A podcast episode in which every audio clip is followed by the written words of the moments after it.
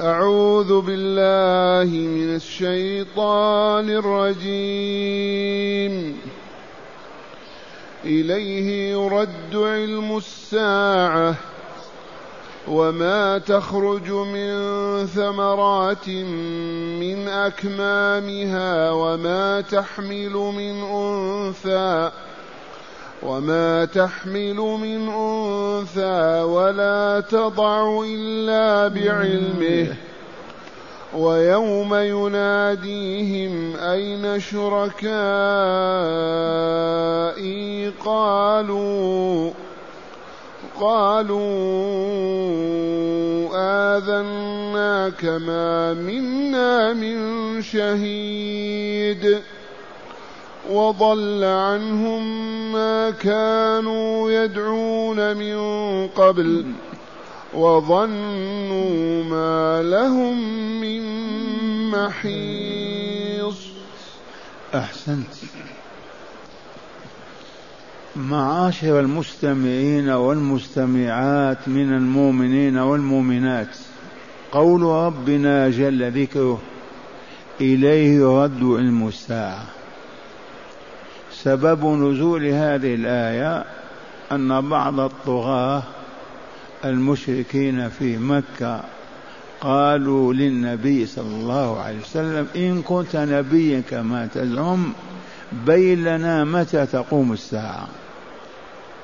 بين لنا متى تقوم الساعة؟ وتنتهي هذه الحياة. فأنزل الله تبارك وتعالى قوله إليه لا إلى غيره. إلى الله. لا إلى رسول ولا ملك مقرب ولا نبي مرسل إليه فقط. ما ترد الساعة. إليه يرد علم الساعة. متى تقوم الساعة؟ لا يعلم هذا إلا الله. لا ملك مقرب ولا نبي مرسل ولا عبد صالح ولا فيلسوف ولا دجال ولا كذاب. أمر الساعة موكول إلى الله. ولا شك أن لذلك حكم عالية. لو كان الناس يعرفون متى تقوم الساعة ما تابوا. لو أن أحدنا يعرف متى يموت العام الفلاني الساعة الفلانية يفجر ويعصي ويقول أتوب فهذا مما استأثر الله تعالى به. لا يعلمه إلا الله. الغيب كله لله. الغيب لله. ولكن بخاصة هذه الأربعة المذكورة هنا وجاء من سورة لقمان ومن خاتمتها قوله تعالى إن الله عنده علم الساعة وينزل الغيث ويعلم ما في الأرحام وما تدري نفس ماذا تكسب غدا وما تدري نفس بأي أرض تموت. إن الله عليم خبير. علم الساعة عند الله. والله لعنده علم الساعة. وهو عليم بالساعة بالدقيقة التي تقوم فيها الساعة. وهذا لا يتنافى مع أن هناك علامات للساعة وأشراط لا تقوم الساعة إلا بعدها. وقد أخبر الحبيب صلى الله عليه وسلم بذلك في أكثر من حديث. أشراط الساعة صغرى وكبرى. الصغرى ظهرت. ونذكر منها دائما علامة للتذكير. من العلامات الصغرى ما جاء في قوله صلى الله عليه وسلم لا تقوم الساعة حتى يكون من أم يكون من أمة رجال يركبون السروج كأشباه الرحال ينزلون بها على أبواب المساجد. نساؤهم كاسيات عاريات. على رؤوسهن كأسنمة البخت العجاف. إلعنوهن فإنهن ملعونات. لعن الله هؤلاء النسوة. سيكون من أمتي رجال ونحن والحمد لله منهم. يركبون على السروج كأشباه الرحال. أليست السيارة سرج كالسرج على الفرس؟ ومن فوق كأشبه الرحل على البعير. والله بالضبط كأن الرسول شاهد ذلك. سبحان الله العظيم. قالها قبل أن يخطر ببال إنسان شيء اسمه سيارة. في العالم بأسره. يركبون على السروج كأشباه الرحال. ينزلون بها على أبواب المساجد. انظر إلى المساجد تأتي السيارات يوم الجمعة عند الباب. كيف جاءوا؟ نعم هذا قضاء الله وتدبيره. نساؤهم كاسيات عاريات من جهة كاسية ومن جهة عارية. تكشف عن محاسنها وتصدر غير ذلك. على رؤوسهن كأسنمة البخت العجاف. تعرفون البخت الناقة وما فوق ظهرها. كذلك هذا الذي يسمونه بالبروك أو لا بروك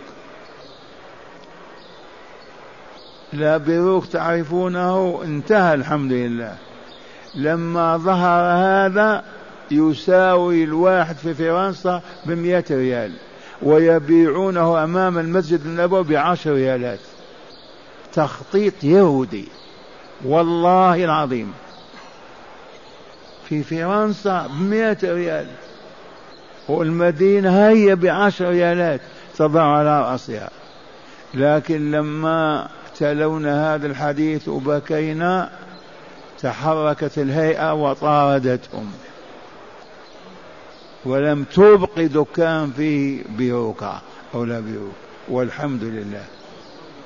على رؤوسهن كأسنمة البخت العجاب. إلعنوهن فإن لعنة الله عليهن. نطيع الرسول وإلا لا؟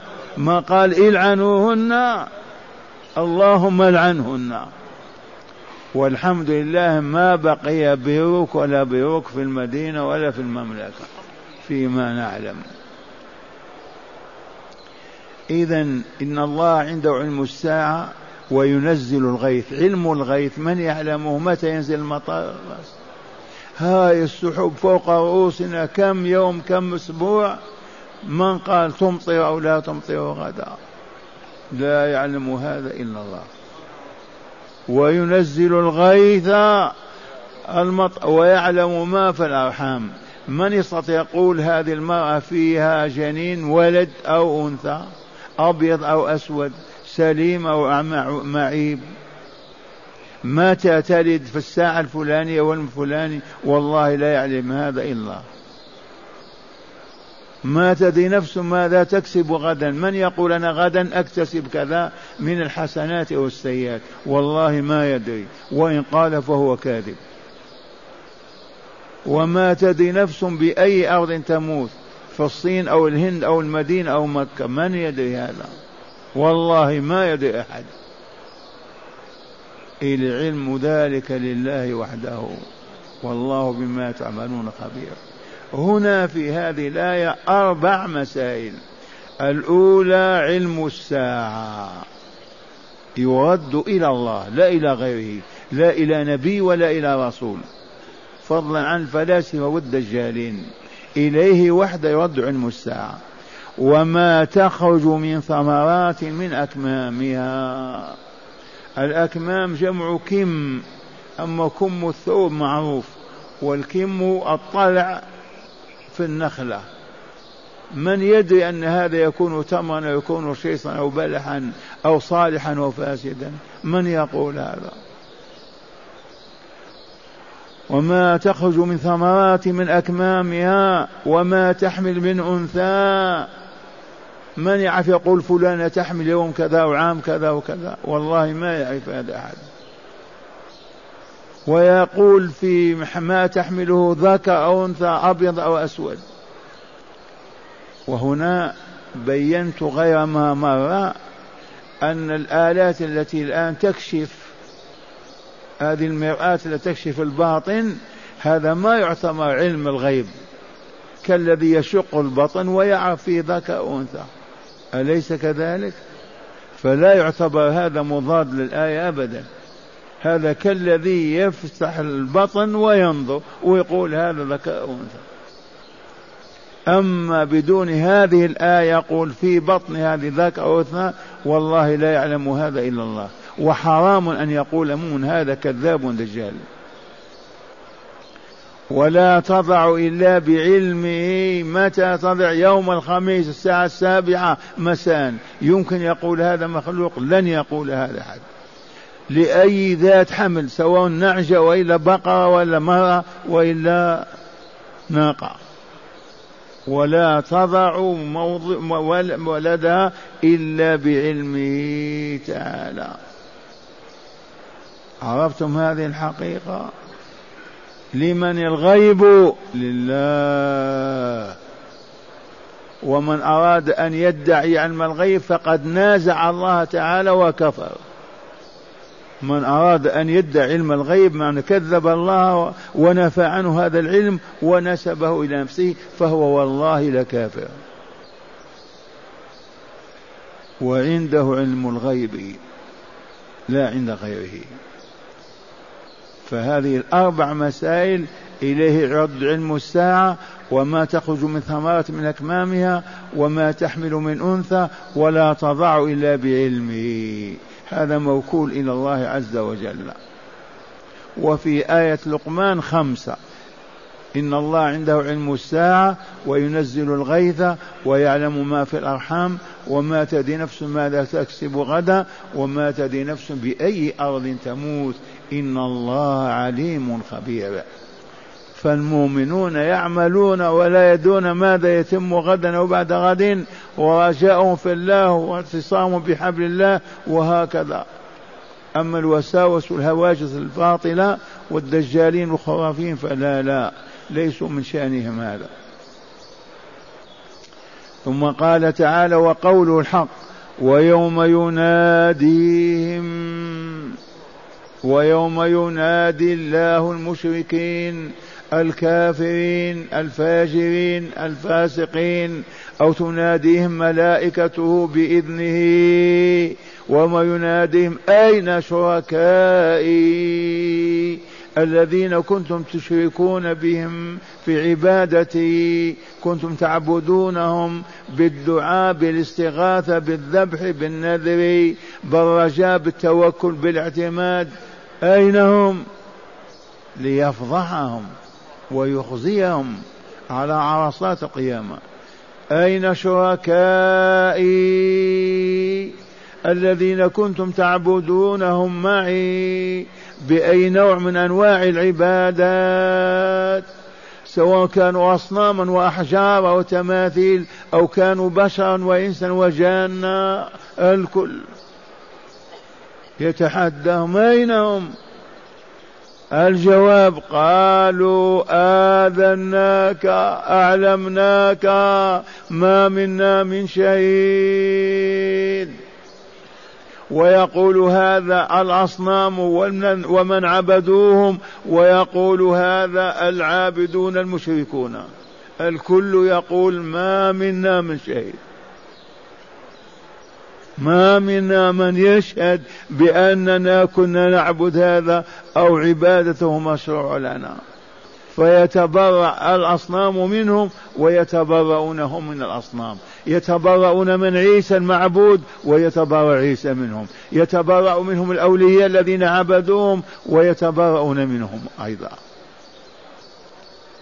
أين شركائي؟ الذين كنتم تعبدونهم معي. أين هم؟ قالوا آذناك الإيذان الإعلام القوي وإلا لا. أعلمناك ما منا من يشهد أبدا. ومن ثم يخزون. أدخلوهم جهنم. قامت الحجة عليهم. أدخلوهم جهنم فيدخلونهم جهنم. قال تعالى وظل عليهم ما كانوا وظل وضل عنهم ما كانوا يعبدون يدعون وضل عنهم غاب ظل الشيء غاب ما وجد ضل عنهم ما كان يدعو يعبدونهم يدعونهم من قبل أي في الدار الدنيا. ضلوا عنهم وإلا لا ما وجدوا أحدا. تبرأوا منهم. آذناك ما منا من شيء. وضل عنهم ما كان يدعون من قبل ويدعون بمعنى يعبدون. ولهذا الدعاء هو مخ العبادة. الدعاء هو العبادة. وقد كررنا هذا القول. لأن الداعي السائل آمن بوجود الله فلهذا رفع كفيه إليه وسأله. الداعي معتقد أن الله يسمع دعاه يا رب يا رب. الداعي يعتقد أن الله قادر على أن يعطيه سؤاله وحاجته. الداعي علم أنه لا يوجد أحد مع الله يستجيب ويستجيب للعبد ويعطيه. وهكذا دائما نقول قف يا فلان وادعو. من يقف لنا؟ بسم الله. هذا متوجه إلى الله. هيا نقرأ هذا. اقرأوا. هذا عبد مؤمن. والله مؤمن بالله وإلا كيف يدعوه ثانيا هذا عبد فقير اقرأوا فقير محتاج وإلا كيف يرفع كفيه؟ ثالثا هذا مؤمن بأن ربه فوقه. فلهذا رفع كفيه إليه. ما قال هكذا أو هكذا يمينا أو شمالا بل فوق. هذا مؤمن بأن الله يسمع كلامه. يا ربي يا رب اغفر لي وارحمني. هذا مؤمن بأن الله قادر على أن يعطيه سؤله وما طلب هذا كله يقرأ هذا. فمن هنا الدعاء هو العبادة. اجلس. بارك الله فيك. الدعاء مخ العبادة وإلا لا؟ ومن هنا عرف هذا العدو وحمل المسلمين على أن يسألوا فاطمة جماعة يسألون الحسين جماعة يسألون عبد القادر جماعة يسألون رسول الله جماعة سيدي فلان جماعة فلان يدعون عباد الله يرفعون أكفهم إليهم ويسألون. حتى ينمحوا من الإسلام ويخرجوا منه وهم لا يشعرون وهم لا يعلمون. وعلة ذلك شيئان مكر الأعداء الثالوث الأسود المجوسية واليهودية والصليبية. هذا من جهة والجهة الثانية الجهل. من حملهم على الجهل غير هذا الثالوث؟ من حمل المسلمين على لا يدرسوا كتاب الله ولا يجتمع عليه في بيوت ربهم طول العام طول الحياة. اليهود والنصارى والخصوم والعياذ بالله تعالى. إذا وضل عنهم ما كانوا يدعون من قبل أي في الحياة الدنيا وظنوا أيقنوا ما لهم من محيص أي من مهرب. ولا ملجأ أبدا. أيقنوا بعد ما قامت الحج عليهم ما بقي إلا أنهم ما وجدوا محيصا ولا مفرا ولا مهرب ولكن إلى جهنم والعياذ بالله تعالى. معشر المستمعين والمستمعات عرفنا مسألتين عظيمتين. الأولى علم الغيب لله. لا تصدق أحدا يقول كذا أو كذا أبدا. ثانيا أن لا نعبد إلا الله. لا نبيا مرسلا ولا ملكا مقرب ولا وليا من الصالحين. ما نعرف إلا الله يا ربي يا إلهي يا مولاي يا خالقي يا رزقي. أما يا رسول الله يا فاطمة يا عبد الله يا عبد القادر يا كذا كما يفعل الضلال فذلك والله شرك في عبادة الله. وصاحبه لن ينجو. اللهم إلا إذا توفاه الله وهو يشهد أن لا إله إلا الله ما قال لا عيسى ولا فلان مات عليها. هذا ينجو بإذن الله. من مات وآخر كلامه لا إله إلا الله دخل الجنة. والآن مع هداية الآيات. نعم. بسم الله والحمد لله. والصلاة والسلام على رسول الله صلى الله عليه وسلم. من هداية هذه الآيات أولا استئثار الله تعالى بعلم الغيب وخاصة علم متى تقوم الساعة. استئثار الله تعالى بعلم الغيب. نعم والله لا يعلم الغيب إلا الله. فلهذا ما نقبل ابدا فلان يقول غدا يقع كذا أو العام الفلاني يقع كذا أو كذا. ابدا أو فلانه في بطنها ذكر أو أنثى. لا ابدا. علم الغيب استأثر الله به فلا يناله غيره. لا ملك مقرب ولا نبي مرسل. والدليل إليه يرد علم الساعة. ما حصر فيه وإلا لا إليه لا إلى سواه. نعم. ثانيا إحاطة علم الله تعالى بكل شيء فما تخرج من ثمرة من أوعيتها ولا تحمل من أنثى ولا تضع حملها إلا بعلم الله تعالى وإذنه. من هداية هذه الآيات إحاطة علم الله بكل شيء. من الذرة إلى المجرة لا يغيب عن الله شيء. لا هو في الأرحام ولا قبل أن يكون ولا قبل بعد أن يكون.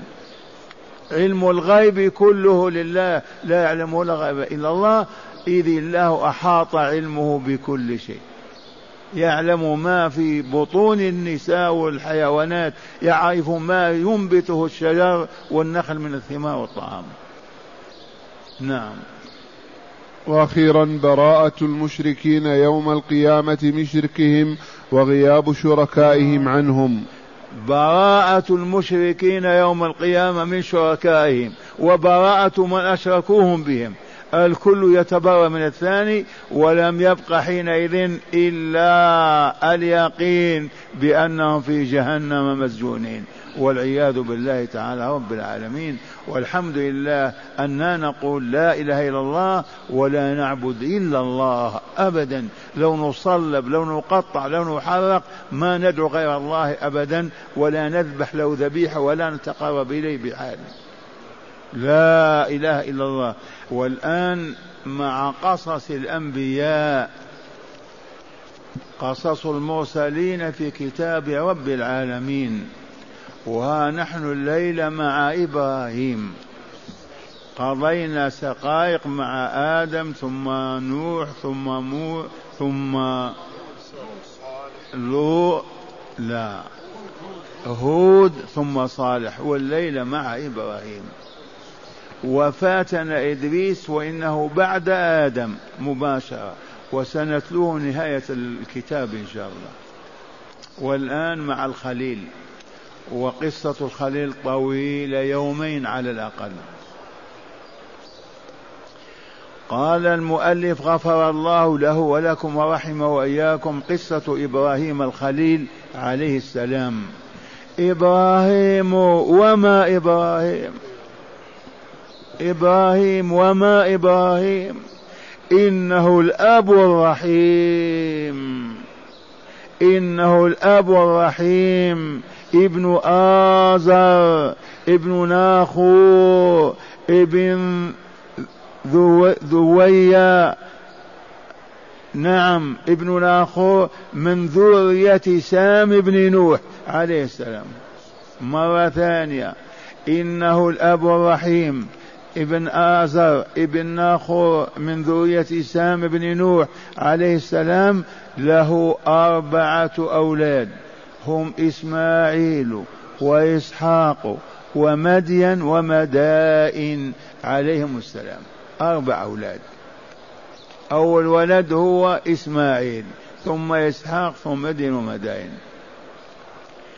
دعوته عليه السلام كيف هي؟ قال إن أول من دعاه إبراهيم إلى الإيمان وعبادة الرحمن هو أبوه آزر أول من دعا دعا أباه آزر ودعا قومه معه إلى عبادة الله تعالى وحده وترك عبادة غيره من الأصنام وغيرها إذ قال لأبيه يا أبت لم تعبد ما لا يسمع ولا يبصر ولا يغني عنك شيئا؟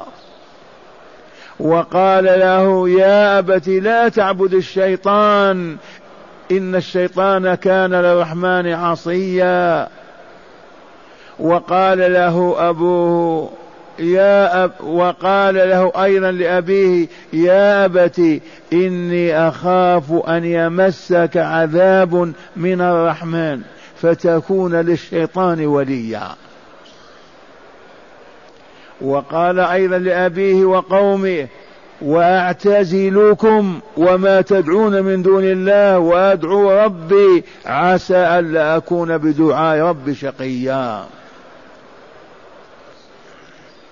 وحاج النمرود البابلي حاجة إبراهيم في ربه وانهزم النمرود وهلك. إذ قال تعالى ألم تر إلى الذي حاج إبراهيم في ربه أن آتاه الله الملك؟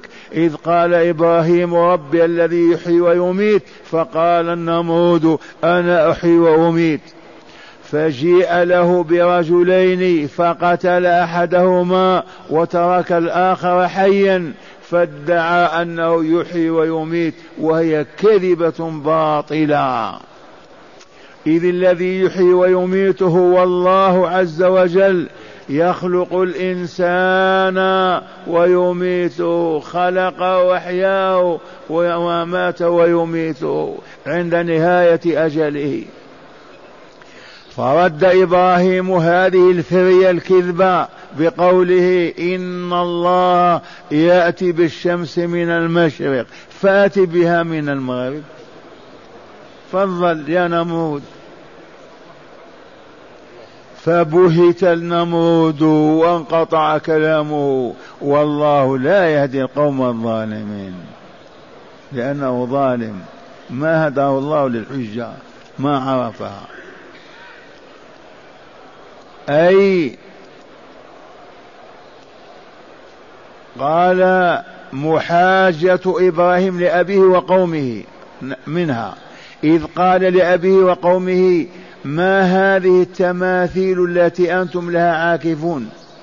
أي على عبادتها. فأجابوه قائلين وجدنا آباءنا لها عابدين. فقال لهم لقد كنتم أنتم وآباؤكم بضلال مبين. فردوا عليه قائلين أجئتنا بالحق أم أنت من اللاعبين؟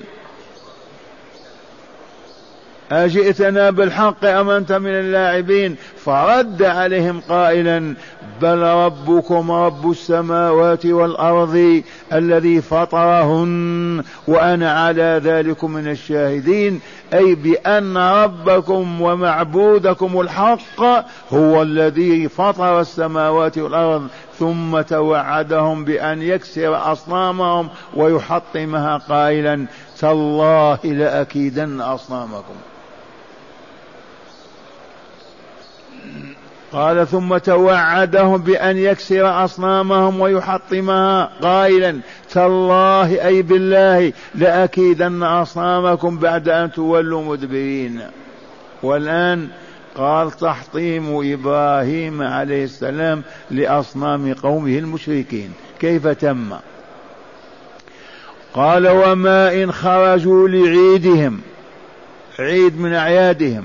وتركوا إبراهيم فلم يخرج معهم لأنه أوهمهم أنه مريض ما يستطيع يخرج.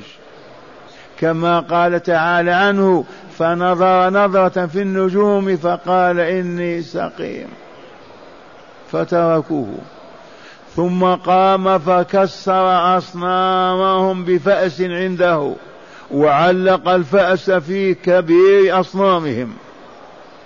وذهب فلما رجعوا من حفلهم بعيدهم وجدوا أصنامهم متكسرة منكسرة محطمة مكسرة محطمة. فقالوا من فعل هذا بآلهتنا إنه لمن الظالمين؟ وقال بعضهم سمعنا فتى يذكرهم أي بسوء. يقال له إبراهيم. فقالوا فأتوا به على أعين الناس لعلهم يشهدون. وفعلا جاءوا به وقالوا له مستفهمين إياه أنت فعلت هذا بآلهتنا يا إبراهيم؟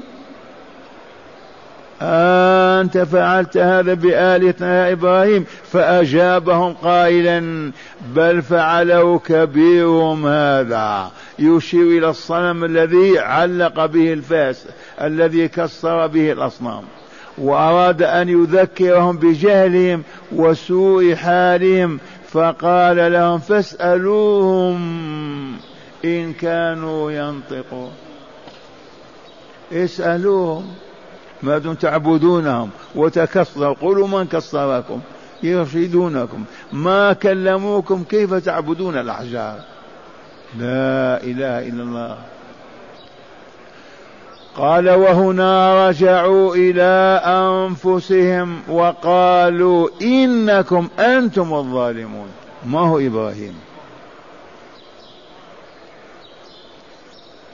والآن حكم النمرود وقومه الكافرون بقتل إبراهيم عليه السلام. حكمهم بقتل إبراهيم. قال إنه لما حا لما جادلهم إبراهيم وغلبهم قالوا اقتلوه أو حرقوه وانصروا آلهتكم إن كنتم فاعلين. وفعلا أوقدوا نارا أججوها أربعين يوما وألقوه فيها وقال الرب تبارك وتعالى للنار يا نار كوني بردا وسلاما على إبراهيم. وفعلا بردت بردا وسلاما ما ضر إبراهيم عليه السلام مع مع مع ما ضر إبراهيم عليه السلام مع أنه مع أنه برد شديد. ما ضره. لأن قال وسلاما. برد شديد ما ضره. ولم تأتي النار إلا على الكتاف الذي في يديه وفي رجليه. فنجى الله تعالى إبراهيم من كيد النمرود وقومه الكافرين المشركين الظالمين والحمد لله رب العالمين.